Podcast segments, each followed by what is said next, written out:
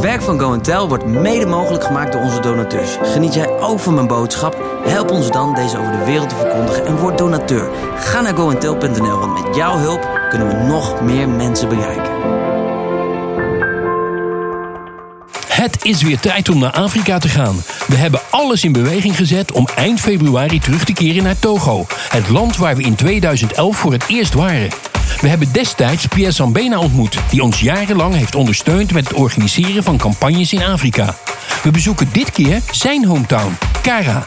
Naast de voorbereiding en organisatie zal ook ons geluidssysteem ingevlogen en vervoerd moeten worden. Om deze campagne opnieuw mogelijk te maken, hebben we jouw steun daarom hard nodig. Ga jij met ons mee door bij te dragen met jouw gift? Dat kan via goentel.nl/slash toko. Ontdek samen met vele anderen de kracht van eenheid en liefde tijdens het paasweekend van doorbrekers Simply Jesus. Te midden van de wereldwijde uitdagingen nodigen we je uit om terug te keren naar de basis van het christelijk geloof. Sluit je aan bij inspirerende sprekers en geniet van passievolle aanbidding met Doorbrekers Worship. Het evenement bestaat uit drie avonden en vindt plaats in de Midden-Nederlandhallen in Barneveld. Breng familie en vrienden mee en reserveer alvast jouw tickets via simplyjesus.nl.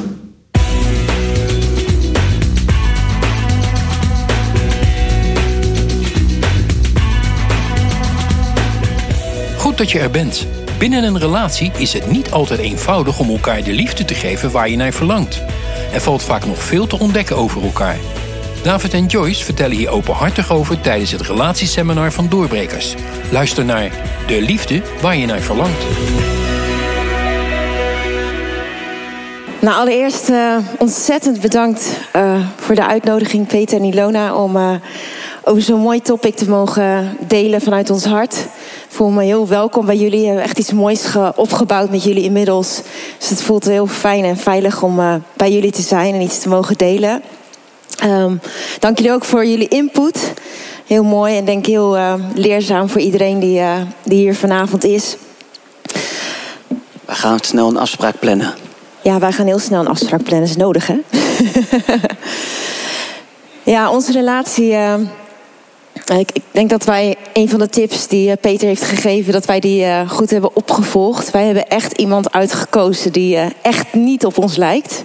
Jij lijkt echt niet op mij en ik lijk ook echt niet op jou. We zijn heel verschillend.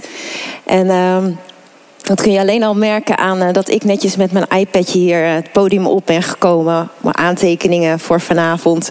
Ik ben heel erg van de structuur. Ik hou heel erg van om dingen allemaal op een rijtje te hebben. En David, uh, ja, die heeft zijn iPad eigenlijk in zijn hoofd zitten. Zodra hij het podium opgaat, dan rat, dan zit alles in zijn hoofd. En dat is eigenlijk gelijk al een, iets wat, uh, wat ons heel erg verschilt zeg maar, van elkaar. En wat voor mij binnen de relatie die wij hebben met elkaar best ook wel een uitdaging is geweest. Van, hè, hij is zo goed in het delen op het podium. Dus, en ik heb het zo nodig om alles op een rijtje te zetten. Dus in hoeverre heeft het zin om iets te delen? Ben ik goed genoeg? En ik denk dat wij in onze relatie, dat dat echt een, iets, een, een uitdaging is geweest. In ieder geval voor mij, om echt mijn eigen plek daarin in te nemen. En hij heeft mij daar ook echt onwijs in geholpen en bemoedigd. En altijd gezegd van, hé, hey, je hebt het in je, maar je mag gewoon delen zoals jij bent. Je mag gewoon zijn zoals je bent. En ik denk dat dat voor ons allemaal geldt. Dat we soms naar onze partner kijken en denken van, oh, maar die doet op die manier, dus wie ben ik? Maar dat het ook aan jou is om, uh, en aan je partner om samen naar, naar te kijken, hé, hey, hoe kom je toch in je kracht? Gewoon op de manier zoals jij bent. En het is oké. Ik heb een iPad, jij niet. En het is prima. Zie, hij vindt het goed. dus ik wil u allemaal vragen om Joyce te bemoedigen met een daverend applaus. dus gaat delen. Dank jullie wel. Dank jullie wel ja, relaties. We hebben echt allemaal mee te maken. Jullie, wij. En dan hoef je nog niet eens eens voor in een huwelijk te zitten of verkering of verloofd. Uh, want relaties komen allemaal op ons pad. Zodra je geboren wordt, uh, ben je in relatie, sta je in relatie. En God heeft het ook zo gemaakt. Maar het is echt een uitdaging. Ik weet nog goed, toen ik David ontmoette, dat ik echt een, ja, een heel um, compleet beeld had van, van relaties. Dat ik echt wist wie, wat een relatie inhield. Je houdt van elkaar. Wat, wat mooi doe je niet, zeg maar. Je gaat gewoon samen het leven leven. Ik hou van hem, hij houdt van mij. En samen kunnen wij het leven aan. En uh, dat is ook zo, maar er komt toch veel meer bij om de hoek kijken. Het is zoals Peter het eigenlijk al noemde.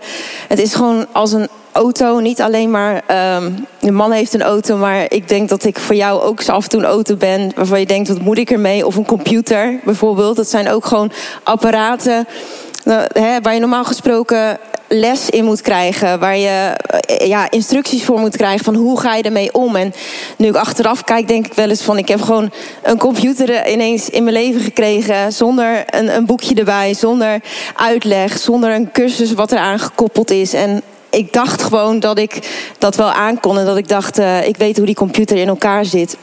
Maar gaandeweg heb ik eigenlijk geleerd dat het helemaal niet zo is. En uh, dat je gewoon eigenlijk, eigenlijk denk ik nu eens wel eens van hoe tof zou het zijn als, als we veel meer in de kerken, maar ook eigenlijk al in het basisonderwijs of in het voortgezet onderwijs, dat het gewoon standaard vakken zijn die gewoon terugkomen. Hoe vaak gaat het over van alles waar we over kunnen leren, waar we ons in kunnen verdiepen.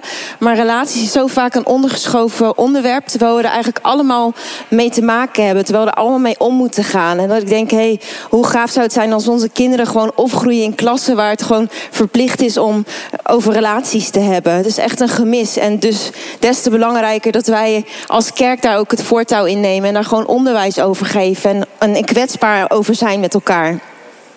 En um, vorige week hadden we het. Uh, yes, amen. Ja. Vorige week hadden we het met elkaar ook over ja, een stukje voorbereiding. We hebben een half uur om wat te delen met elkaar. Wat willen we delen? Nou, er is zoveel wat we kunnen delen, wat we willen delen.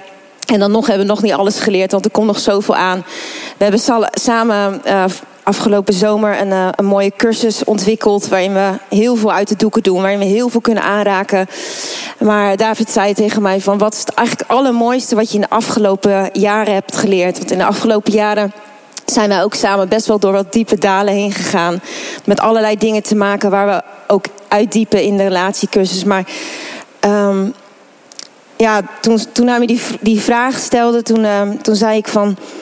Ja, als ik terugdenk, dan is het eigenlijk het allerbelangrijkste wat ik heb geleerd in, uh, in al die jaren, is eigenlijk wat ik net al zei, is dat er zoveel lagen in jou zitten. En dat er zoveel lagen in mij zitten. Je eigenlijk een, een soort ui bent die helemaal afgepeld moet worden. En er komt eigenlijk nooit een eind aan, zeg maar. De ui is nu na 20 jaar, en ik denk bij jullie na 35 jaar, nog steeds niet afgepeld. Er is elke keer weer een nieuwe laag te ontdekken aan die ander, maar ook een nieuwe laag te ontdekken aan mezelf. En ik heel vaak dacht dat ik vooral hem moest leren kennen, maar dat ik ook mezelf moest leren kennen. Om hem ook weer te leren kennen, om elkaar ook beter te leren kennen. En dat is eigenlijk een openbaring die, die pas een paar jaar geleden tot me is gekomen. En best wel op een, op een drukkende, harde manier, waarin wij echt vastliepen op bepaalde gebieden in ons leven. En ik eigenlijk nog heel erg op die wolk zat van, maar te goed, we zijn drievoudig snoer, wat hebben we nodig? Weet je, we hebben de Heer in ons leven, we hebben een mooie bediening, we hebben het goed. Waarin hij me echt, uh, ja, wel echt zei van ja, maar dit is echt nodig. We moeten echt naar de binnenkant. Want er is, er is zoveel wat er leeft. Er is zoveel wat jij hebt meegemaakt, wat ik heb meegemaakt. En het kostte mij echt wel, het heeft jou heel veel energie gekost om mij zo ver te krijgen. Om ook echt de diepte in te willen duiken met mezelf. En naar mezelf te kijken van hé, hey, wat speelt er? En waarom reageer ik zoals ik reageer? Want heel vaak is het zoals jullie ook al zeiden, niet, het gaat vaak niet om iets kleins. Het is vaak iets diepers wat eronder ligt. Vanuit je verleden, vanuit wat je hebt meegemaakt. En dat is eigenlijk de, diepe, de diepte die we zijn ingedoken afgelopen jaar. En ik heb eigenlijk ontdekt dat er zoveel schaamte is rondom uh, relaties en, uh, en conflicten die je met elkaar hebt. Dat je vooral in de christelijke wereld heel graag uh, de schone schijn houdt en doet alsof het goed gaat. En zeker, wij hebben ook een mooie plek in het land. En wil je dat ook, laten overkomen van hé, hey, we hebben het goed samen. En ja, ga maar niet zeggen dat we, dat we ook even crisis hebben, want wat doet dat met andere relaties? Nou, het, doet, het, het brengt juist vrijheid, het brengt juist openheid. Je breekt echt juist wat open door gewoon te zeggen: hé, hey, ik worstel gewoon, ik kom er niet uit, ik, ik snap mezelf mezelf niet, ik snap hem niet. En dat er zoveel taboe op rust, dat, dat is gewoon zo belangrijk om dat weg te nemen. Dat ik denk, oh, als ik twintig jaar terug eh, was gegaan, dan had ik echt gewoon elk jaar, ja, ik, zei het een beetje grappig tegen David, dan had ik elk jaar eh, in relatietherapie gegaan. Waarom? Niet omdat je een crisis hebt, want vaak gaan mensen pas therapie zoeken op het moment dat ze een crisis hebben. Maar ik denk, waarom zou het niet gewoon uh, een, bijna een verplichting moeten worden waar de Nederlandse overheid voor betaald om gewoon elk jaar te zeggen van hé, hey, ik ga mijn relatie even door een APK'tje halen, want ik wil gewoon dat mijn auto blijft rijden. Ik wil gewoon, dit is me het meeste waard. En ja, we steken vaak geld in onze hobby's, we steken vaak geld in ons huis, we steken vaak geld in onze dromen. Maar eigenlijk het allerbelangrijkste wat je hebt, de relatie, ja, daarvan denk ik van nou, dat, dat pakken we dan wel aan als het een keertje echt te broeierig wordt. En soms is het dan ook gewoon al te laat voor, voor sommige relaties. En het is zo zonde, het is zo niet nodig. Want weet je wel, het is gewoon mooi om daarmee bezig te gaan. Ik heb gezien hoe rijk het is om de diepte in te gaan. En ja, er komen heel veel tranen bij kijken. En er komt heel veel pijn bij kijken. Maar als je ziet hoe diep je relatie daar, daarvan groeit, hoe, hoe erg je diepte ingaat, hoe beter ik hem heb mogen leren kennen, denk ik van: wow, het was eigenlijk een heel groot cadeau om dit te doen. En waarom heb ik er zo tegen opgekeken om ja, een stuk therapie, een stukje onderwijs, een stukje iets wat ik niet kende, om dat te omarmen. En een van de teksten uit, uh, uit Gods woord die echt tot mij, voor mij is gaan leven, is Johannes 14, vers 16. Jullie kennen hem waarschijnlijk allemaal. Ik ben de weg, de waarheid en het leven. Dat is wat Jezus zegt over zichzelf. En um, nou, ik heb altijd, als ik dat hoorde, of als ik het zong, dat nummer over Jezus is de weg. Je kent het wel dat je dan denkt van, oh ja, Jezus is de weg, Jezus is de waarheid, Jezus is het leven, Hij is het, Hij is al die, hè, al die dingen in het leven. Maar tijdens onze ja, dieptes, onze diepe dalen, eh, begon die tekst steeds meer tot me te spreken van, hey, als Jezus de weg, de waarheid en het leven is en Jezus woont in ons. He, uh, dat is eigenlijk wat we leren. Dat is ook echt wat ik ten diepste geloof. Hij leeft in mij, hij woont in mij. Dan is hij ook de waarheid over wat er echt aan de hand is in mijn binnenste. Dan is hij ook echt de waarheid over wat er aan de hand is in zijn binnenste. Dan is hij de waarheid over hoe het echt gaat in onze relatie. En ik denk dat we heel vaak, zeker als gelovigen, wel eens het idee hebben van: hé, hey, maar weet je, uh, uh, we leven met Jezus en dan uh, is het allemaal niet meer nodig om die diepte in te duiken. Dan hoeven we niet die waarheid aan te kijken. Maar ik geloof dat Jezus juist de sleutel is om de waarheid over hoe je relatie echt op dat moment aan toe is en hoe het echt met je gaat, om die aan te kijken.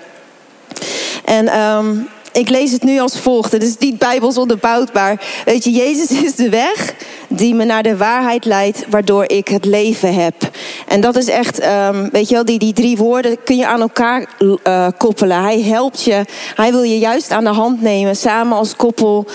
En je gewoon helpen om die pijn, om die moeite te doorbreken, om bij die waarheid uit te komen. En als je dat ontdekt, als je op die plek komt van hé, hey, maar dit speelt er echt, hier heb ik tranen om, hier heb ik pijn om, dan voel je ook weer echt dat je tot leven kan komen. En ja, ik hoop dat die tekst gewoon ook bij jullie blijft hangen op de momenten dat het nodig is. Ik, uh, ja, de waarheid was, waar ik eigenlijk achter kwam, is dat ik gewoon eigenlijk helemaal niet altijd wist wat er bij jou speelde van binnen. En uh, dat heb ik afgelopen jaren met heel veel tranen en andersom hebben we ontdekt van hey, elke keer weer een laagje eraf, elke keer weer een laagje af. En dat je een bepaald beeld hebt van hey, zo werkt het gewoon prima, maar dat je denkt van hey, dit speelt er bij jou, dit komt er bij jou omhoog of bij mij omhoog. En het is soms om van te schrikken, maar een stuk erkenning geven voor wat er echt speelt is zo verrijkend. En iets wat me heel erg heeft geholpen in, uh, in een therapie, wat voor mij heel helpend is geweest om echt onderscheid te maken tussen uh, primaire en secundaire emoties. Is iemand van jullie die daar wel eens wat over gehoord heeft of die weet waar ik het nu over heb? Nee? Niet veel van jullie. Nou, dan is dit heel. Uh, ja, ja, ja, we zijn ermee aan de slag geweest. Nou, een van de uh, een primaire emotie is eigenlijk. Ja, ik zal eerst uitleggen wat een, een, een secundair... Nee, ik ga een voorbeeld geven. Dat is misschien nog het beste. Dan kan het wel uitleggen, maar dan blijft het ook niet hangen. Um, David en ik waren nou, alweer een heel tijd geleden een keer in een uh, gezelschap. Hadden een leuke avond met vrienden in een restaurant. Uh, met mensen die we goed kenden. En um, ik weet nog goed dat, uh, dat we die avond zat ik meer een beetje in het hoekje. En uh, David zat naast me en het gezelschap daaromheen. Ik zat eigenlijk een beetje in een hoekje weg, uh, weggestopt, zeg maar. En ik weet nog goed dat hij het echt ontzettend naar zijn zin had in dat gezelschap. En hij had echt de avond van zijn leven. En op een of andere manier kwam ik niet lekker uit de verf. Ik wist niet goed hoe ik moest aanhaken. Ik kwam niet lekker in het gesprek. Ik kwam niet goed mee met de humor. Ik kon er niet om lachen. Um, nou ja, misschien herken je het wel, misschien ook weer helemaal niet. Maar op een of andere manier was het niet helemaal mijn avond. Ik kwam er niet lekker in, zeg maar. En ik merkte dat door de avond heen dat mijn frustratie echt uh, toenam. En dat ik me afgewezen voelde. En dat ik dacht, waarom kom ik niet mee? En al dat soort dingen. En ik weet nog goed dat het me zo frustreerde en dat eigenlijk mijn frustratie zich heel erg begon te richten op jou. En um, nou, dat liet ik die avond probeerde ik dat vooral niet te laten merken. Maar goed, zeker vrouwen kunnen heel erg, uh, zeg maar, toch wat signaaltjes afgeven. Dus ik probeerde dat een beetje weg te stoppen. Maar op den duur, na een aantal dagen, toen kwam het er toch een beetje ter sprake van. Uh, ja, het was gezellig, hè? Weet je wel zo. En ik zei, nou, ik vond het niet zo gezellig. En ik weet nog heel goed dat toen we echt het over gingen hebben, dat ik dacht, nou nu moet ik het ook even uiten wat er hier speelt.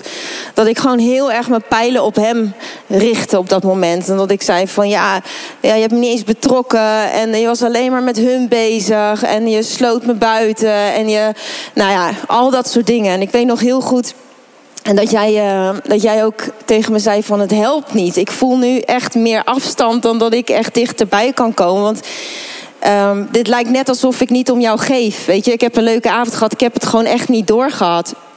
En, um, en hij zei van, ik, heb, ik, ik hoor liever wat er echt met je speelt. En we hadden toen ook echt geleerd van wat primaire emoties zijn en secundaire emoties. Nou, wat ik op dat moment dan uit naar hem toe, dat is eigenlijk secundair. Want primair is eigenlijk, wat ik echt wil zeggen, is... ik voelde me alleen. Ik begon te twijfelen aan mezelf ik begon te denken, wie ben ik nou waard? Ben ik ook wel belangrijk? Vinden de mensen me hier wel leuk? En in die emotie um, ja, begon ik eigenlijk de schuld proberen af te schuiven op hem. Van hij, hij geeft niet om, maar hij denkt niet aan me, hij betrekt me niet.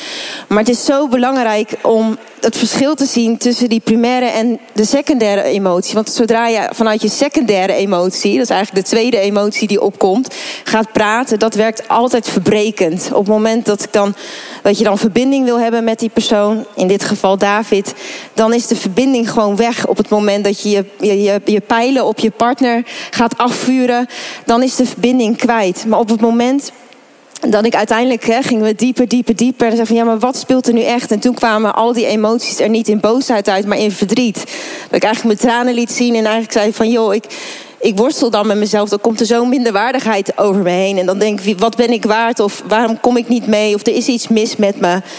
En dat zijn eigenlijk de momenten dat hij ook gewoon als persoon armen om me heen kan slaan. Want de verbinding is direct terug. Ik laat dan echt zien wat er hè, primair met mij aan de hand is. En dan is ook het moment dat hij er voor mij klaar kan staan en dat de leugen ook wordt verbroken. Dat hij ook zegt van joh, maar weet je, dat is helemaal niet zo. Want ik hou van jou, ik ben gek op jou. Ik, hè, ik ging op in, het, in, in de gezelligheid, ik heb het niet doorgehad. Sorry, dat was helemaal niet de bedoeling. Maar ik zou jou nooit willen kwetsen. En dat is de waarheid vaak ook over jouw relatie. Dat er heel vaak leugens ontstaan vanuit eigenlijk pijn die je van binnen voelt.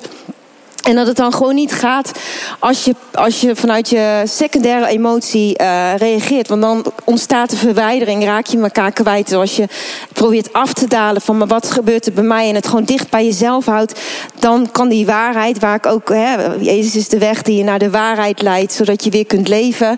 Dan kan de waarheid zowel over wie God voor jou is, hoe God naar jou kijkt, maar ook de waarheid over hoe je partner naar je kijkt, krijgt weer ruimte om tot leven te komen. Amen.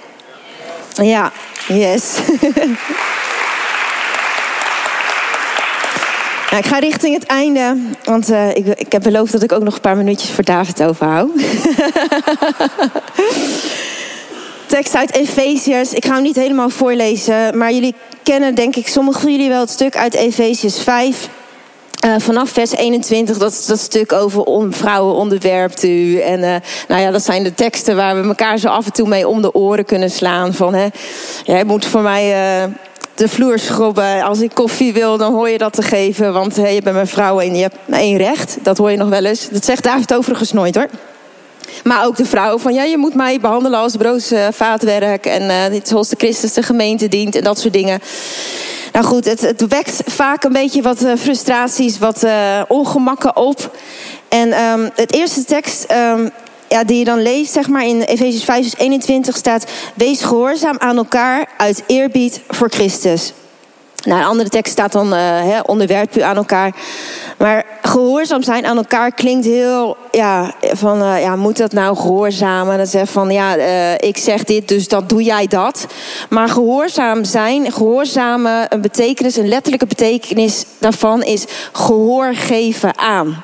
Dus horen wat die ander echt wil zeggen. En ook onderwerpen is eigenlijk dat wat jij wil even ondergeschikt maken aan wat die ander wil. Uh, zodat je echt hoort wat die ander wil zeggen.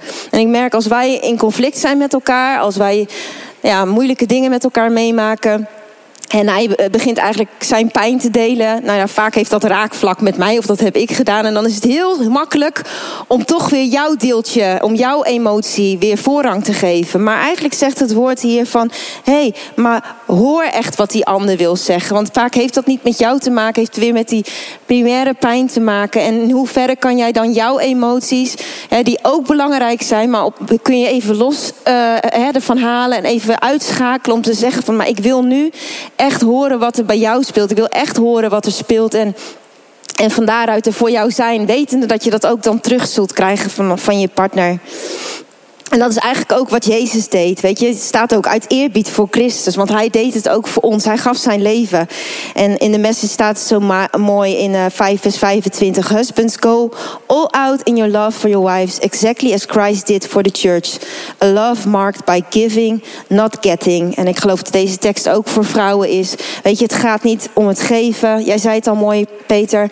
Uh, uh, not, uh, of by giving. Het gaat om het geven, niet om wat je ontvangt. Maar je mag ook weten dat op het moment dat je geeft, dat je intentie om te geven, dat je ook zeker gaat terug ontvangen van je partner. En weet je, Jezus is de weg die ons naar de waarheid le leidt, waardoor wij het leven hebben. Wij hebben zelf ook afgelopen weken gaan we ook best wel weer even door een pittige tijd heen. Komen bij mij best wel wat dingen uit mijn verleden omhoog. Wat dingen uit ons verleden. En dat trekt echt wel weer wonden open. Dus bij ons is er ook uh, de laatste paar weken best wel wat vuurwerk bij ons thuis geweest. En um, ja, dat zijn best momenten ook bij mij. Ik heb vorige week echt nog gedacht van... kan ik hier wel überhaupt iets vertellen over relaties hè, als dit speelt? Maar weet je, wat ik zeg van... weet je, uh, Jezus is de weg die me naar de waarheid leidt... waardoor ik het leven heb. En als ik niet eerlijk ben over dat dit speelt... wie ben ik dan? Wie ben ik ook um, voor Jezus om dat niet met jullie te delen... En, en jullie gewoon aan te moedigen om de waarheid met elkaar aan te kijken. Dus bij deze, be blessed.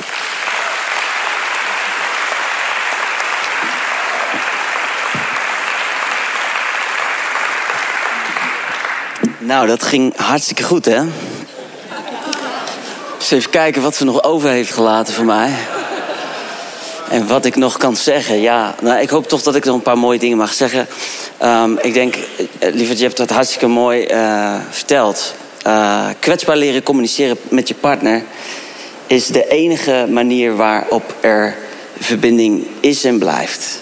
Die brug, die heet kwetsbaarheid.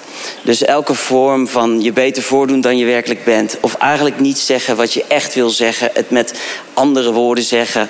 Indirect of zo, weet je wel. Dat werkt sowieso niet heel goed bij mannen. Maar eh, er zijn nou eenmaal eenvoudige wezens. Die hebben gewoon woorden nodig. Zoals het is. Uh, die hebben heldere communicatie nodig.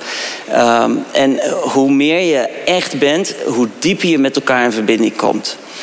En uh, het allermoeilijkste is dat je partner op een dag hoort: Lieverd, ik ben eigenlijk helemaal niet zo blij en gelukkig.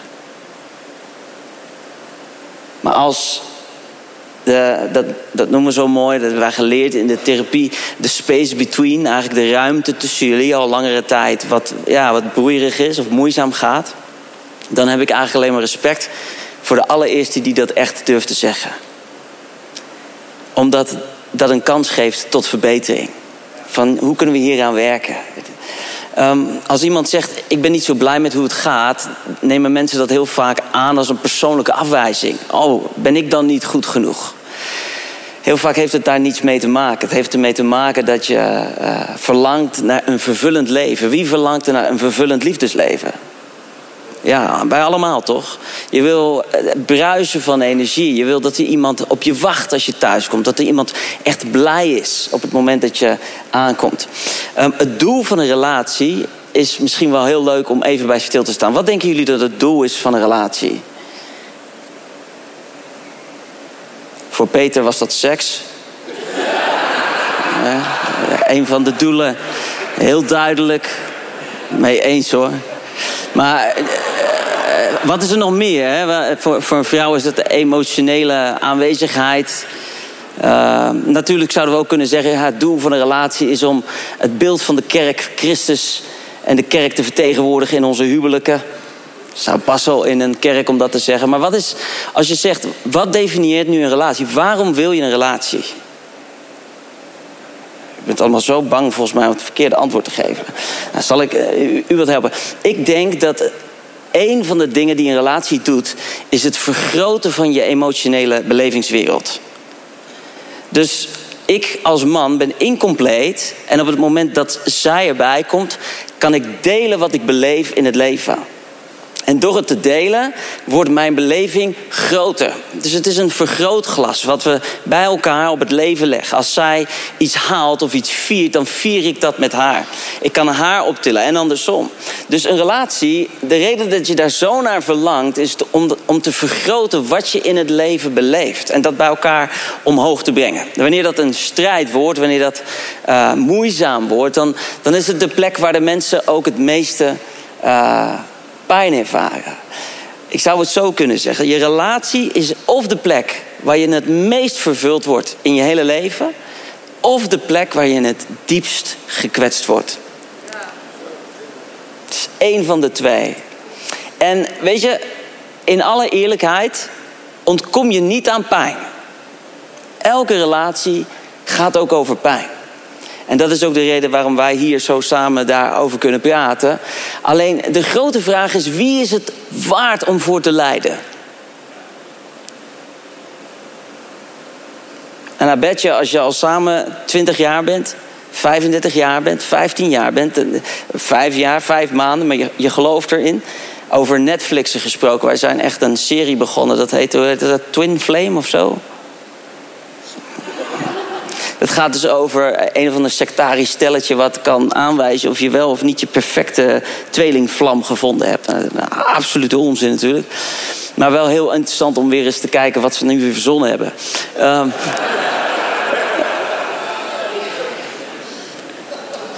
je ultieme geluk vind je als je delen kan met iemand. Ik vond het ook al zo mooi. Um, wat ik Peter net hoorde zeggen van... denk jij dat echt, weet je wel? Uh, die houding in elkaar. Dat je niet durft te zeggen wat er werkelijk, werkelijk in je omgaat. Intimiteit is iemand die al je shit kent... en toch bij je blijft. En dat is een vorm eh, waarvan ik geloof dat wij vanuit het voorbeeld van Christus... daar nog veel beter in kunnen zijn... als de wereld daarin zou kunnen of zou moeten zijn. Weet je, ik ben van mening dat wij in de relatie alle twee een verantwoordelijkheid hebben om te blijven en te zorgen voor elkaar, onze plek in te nemen. Ik weet niet of je het verhaal kent, waarschijnlijk wel, maar ik ben altijd voorzichtig om dat te zeggen. Want ik, als, ik, als ik vanuit de Bijbel preek, dan zeg ik heel vaak: ja, je bent in de kerk, dan denk je iedereen kent die verhalen. En dan zeg ik van joh, ken je dat en dat verhaal? En een maatje van mij heeft een, uh, een, een, vriendin en die is nog niet zo lang in de Heer. Dus die zegt: elke keer als jij dat zegt, voel ik me zo dom. Want ik weet het allemaal niet, weet je Nou ja, goed, dus ik hou rekening met iedereen als ik zeg... misschien kent het verhaal niet, is niet erg. Maar misschien kent het verhaal ook wel. Abraham, die uh, scheen zo'n mooie vrouw te hebben. Er moet iets zijn geweest, net als Joyce, denk ik. Dat hoe oud ze ook werd, ze werd steeds mooier. Dat hebben wij ons voorgenomen trouwens. Dat we blijven stralen. Ja, ik ben net de 40 gepasseerd, dus nu komt pas echt de uitdaging. Maar we gaan het zien. Hij uh, was onderweg met zijn vrouw en hij realiseerde zich dat hij een knappe vrouw had. De meeste mannen weten wel als, die echt, als, als ze een knappe vrouw hebben. Want dan, die krijgt ook aandacht van alles om heen. En Abraham, echt jongen, de, de, uh, gewoon de... de uh, moet ik natuurlijk... Ik ga hem waarschijnlijk nog een keer ontmoeten in Nederland. Dus oppassen wat ik over hem zeg. Maar ik vind dat hij zich toch een beetje als een watje gedroeg. Want hij kwam aan in dat koninkrijk en hij was bang voor zijn eigen leven. En daardoor loog hij over wie zijn vrouw was. Dus hij denkt, ja, wat als ik zeg, dit is mijn vrouw... dan word ik een kopje kleiner gemaakt... en dan pikt die koning haar in hè, voor, voor zijn harem. En uh, nou ja, de, uiteindelijk dan komt God erachter, weet je wel... en dan uh, allemaal ellende. En dan zou je denken, joh, Abraham, dat doe je niet nog een keer. Hij doet het gewoon nog een keer. Wat een gast, weet je. van... En de les die erachter zit is als jij niet je plek inneemt, oont thuis, als de leider van jouw huis, dan ontstaat er een vacuüm waar een ander in zou kunnen springen. Die koning meneer pissig. Hij zei, ja, als je me gewoon eerlijk gezegd had dat dit jouw vrouw was... had ik er nooit naar mijn paleis gehaald. En nou is God boos op mij, want jij bent de zogezegde profeet. En dat is ook zo leuk, hè, dat God dan, dat is dan weer verbond. Hè, dat God dan zegt van, nou Abraham, jij, moet jij bidden, dan ga ik luisteren, dan los ik het op. Want jij bent mijn vriendje. En niet die koning. Nou, daar kunnen we een heel verhaal over vertellen. Maar het mooie wat erin is, is wat ik geloof, is als wij onze plek innemen... dat we geen vacuüm laten ontstaan voor waar een ander in zou kunnen springen. Dat is verantwoordelijkheid. De cultuur waar wij in leven en wonen is een cultuur waarin mannen vaak in een vrouwelijke energie bewegen. Wat gaat hij nu weer zeggen? En andersom, vrouwen die vaak de mannelijke rol pakken. En het komt omdat mannen soms letterlijk of emotioneel afwezig zijn. Wie weet waar ik het over heb? Zo, geen blame aan de vrouwen die af en toe voorop moeten gaan. Je moet die rol pakken, want anders... Hè, de kinderen moeten wel opgevoed worden, keuzes worden gemaakt. Maar echt waar, jongens. Sommige vrouwen hebben thuis een jongetje op de bank. Dit is niet het moment om te porren bij je partner. Hè? Zo van, dit ben jij.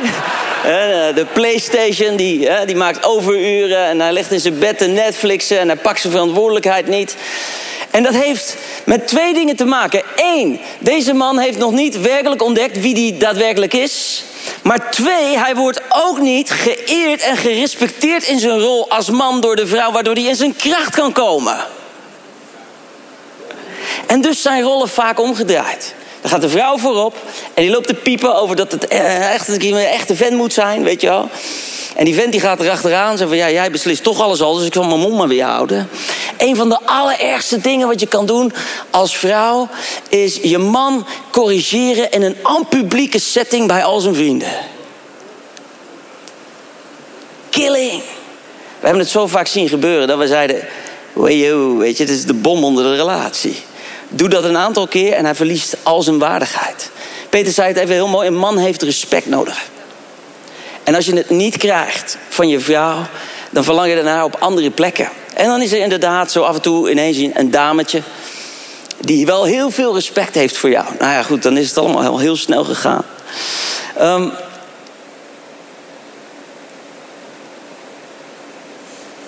wat hebben vrouwen nodig? Aanwezigheid, intimiteit, het idee dat je echt luistert.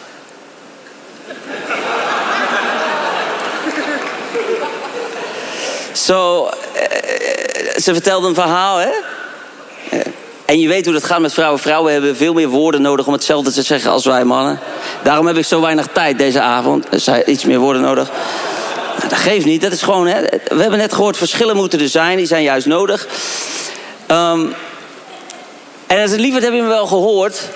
Of deze dingen zijn denk ik ook wel echt een reden geworden waarom mensen uit elkaar gaan. Nee, heb je me wel echt gehoord? Heb je me geluisterd? Heb je gedaan? Heb je, ben je er echt? Sommige vrouwen die denken dat hun man emotioneel gehandicapt is. Geen enkele mogelijkheid om zich in te leven in jou. Geen gevoeligheid. Geen, hè, en een man is nou gewoon emotioneel. Heeft, heeft niet, het is absolute BS. Bullshit. Elke man is in staat om vanuit zijn hart te communiceren. Elke man in kwetsbaarheid. Als het maar veilig genoeg is. Als die maar niet voor aap wordt gezet. Als die maar niet wordt gecorrigeerd omdat hij het niet goed doet, omdat hij er onwennig mee is. Maar elke man kan emotioneel aanwezig zijn. Als die wil. En ik hoop eigenlijk dat dat misschien wel iets is waar ik je vanavond ook mee zegenen kan. Dat als je zegt, nou, dat is bij ons echt een uitdaging om intiem te zijn, om in je hart te zijn, om de verbinding op te zoeken, ehm, want die is namelijk voelbaar. En misschien dat ik daar zo meteen op terugkom als ik afsluit. Ehm, als je single bent, hoeveel singles zitten er hier? Ja, de, ah, nice. Heel mooi. Oké, dit is een dubbele opmerking. Dit is voor singles, maar dit is ook voor mensen die in een relatie zijn. Als je single bent en je wil de perfecte partner. Wie wil de perfecte partner? Dan durf je er nu niet meer te... Ik snap het allemaal, maar je mag gewoon reageren. Doe mee. 80% was ook goed, ja. 75. Ik zou dit tegen je willen zeggen. Of vragen. Ben jij de persoon, nu, waar je zelf ten diepste naar verlangt in die ander? Ben jij de persoon waar je zelf ten diepste naar verlangt in die ander? En dat betekent dus dat wat jij zou willen, de prins op het witte paard en hoe die je behandelt en dat hij altijd aankomt met cadeautjes en dat hij je overlaat met zegeningen. Ben jij diezelfde persoon? Are you in it to give it? Ben je erin om jezelf te geven? Of ben je vooral bezig met de grote roze droom, met hoe je graag zou willen dat het was? Het moment dat je kiest om te worden die persoon waar je zelf naar verlangt, is het moment dat je relatie begint te veranderen omdat wat jij zelf begint te geven, gaat die ander merken. Nou, in alle relaties is het altijd zo dat het lichtje eerder aangaat bij de een als bij de ander. En misschien is vanavond zo'n avond dat het lichtje aangaat dat je denkt, ja, het is, ja, inderdaad, het is goed om over wat dingen te praten. Het is goed om over wat dingen door te denken. En heel vaak is dat zo bij vrouwen, die, hè, die zijn daar wat gevoeliger voor. Die zeggen, oh ja, nee, ik, ik wil toch wat meer dit of dat. En dan is het zo belangrijk, en daar heb ik echt fout in gemaakt naar Joyce ook toe, dat je emotionele veiligheid creëert waarbinnen iemand mag komen zoals die is, omdat je anders de boodschap communiceert die jij bent niet goed genoeg. Dat is nooit de boodschap. De boodschap is, zullen we samen groeien? Zullen we samen verder gaan? En wat heb je nodig om te groeien? Hoe kan ik meer van jou verwelkomen in ons leven? Hoe kan ik jou mooier maken? Nou ja, en vice versa. Zo, ik denk dat ik nog weer veel te veel gezegd heb. Ik heb nog wat over tijd gegaan. Maar um, ik ga afsluiten met de volgende exercise. Als je kan, wil ik aan je vragen om even te gaan staan. Plek waar je bent. Ja, jij ook? Ik ook. It's including you. En je mag je even draaien naar je partner. Ja, dit is wel lastig als je er geen een hebt nu. Dat erken ik. Dus dan moet je even. En wat belangrijk is, is dat je even. Wat we gaan trainen, is emotionele presence. Zo, kijk elkaar eens aan. En wat de een bij de ander mag doen, als die vertrekt vanuit de presence, dan moet je even een tik geven. Het is gewoon een leuke exercise. Je bent emotioneel aanwezig. Ik zie zo mensen lachen, ja. Er wordt hard geslagen hier op de eerste rij.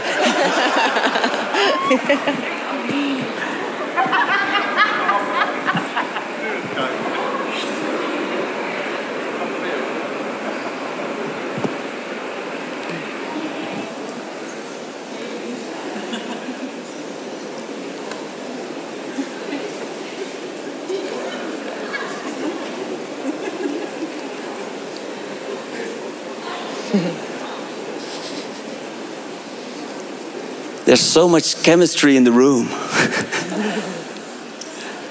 Alright. Dit, was een, dit is een hele simpele oefening om eigenlijk te voelen van is iemand er? Blijft iemand er? En de volgende stap die je zou kunnen nemen als je dit samen thuis een keer doet, dan ga je gewoon tegenover elkaar zitten op een stoel, je houdt elkaar de handen vast, is blijven. En dan is de vraag aan die ander, lieverd, uh, wat gaat er in je om?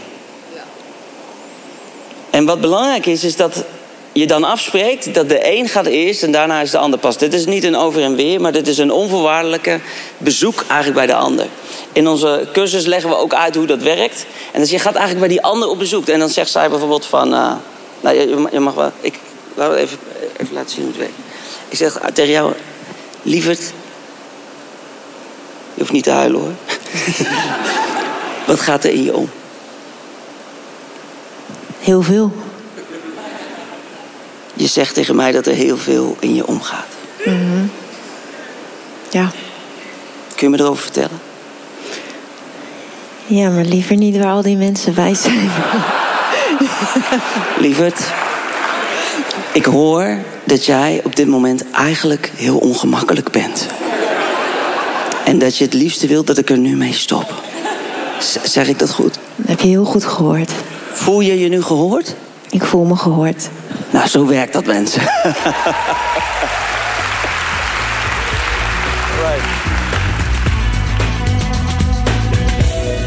We hopen dat je weer hebt genoten, maar zijn ook benieuwd naar je reactie. Stuur hem naar info@goentel.nl. Kijk ook op onze website voor onze gloednieuwe online relatiecursus. Want samen met jou blijven we ons inzetten voor de toekomst van een nieuwe generatie.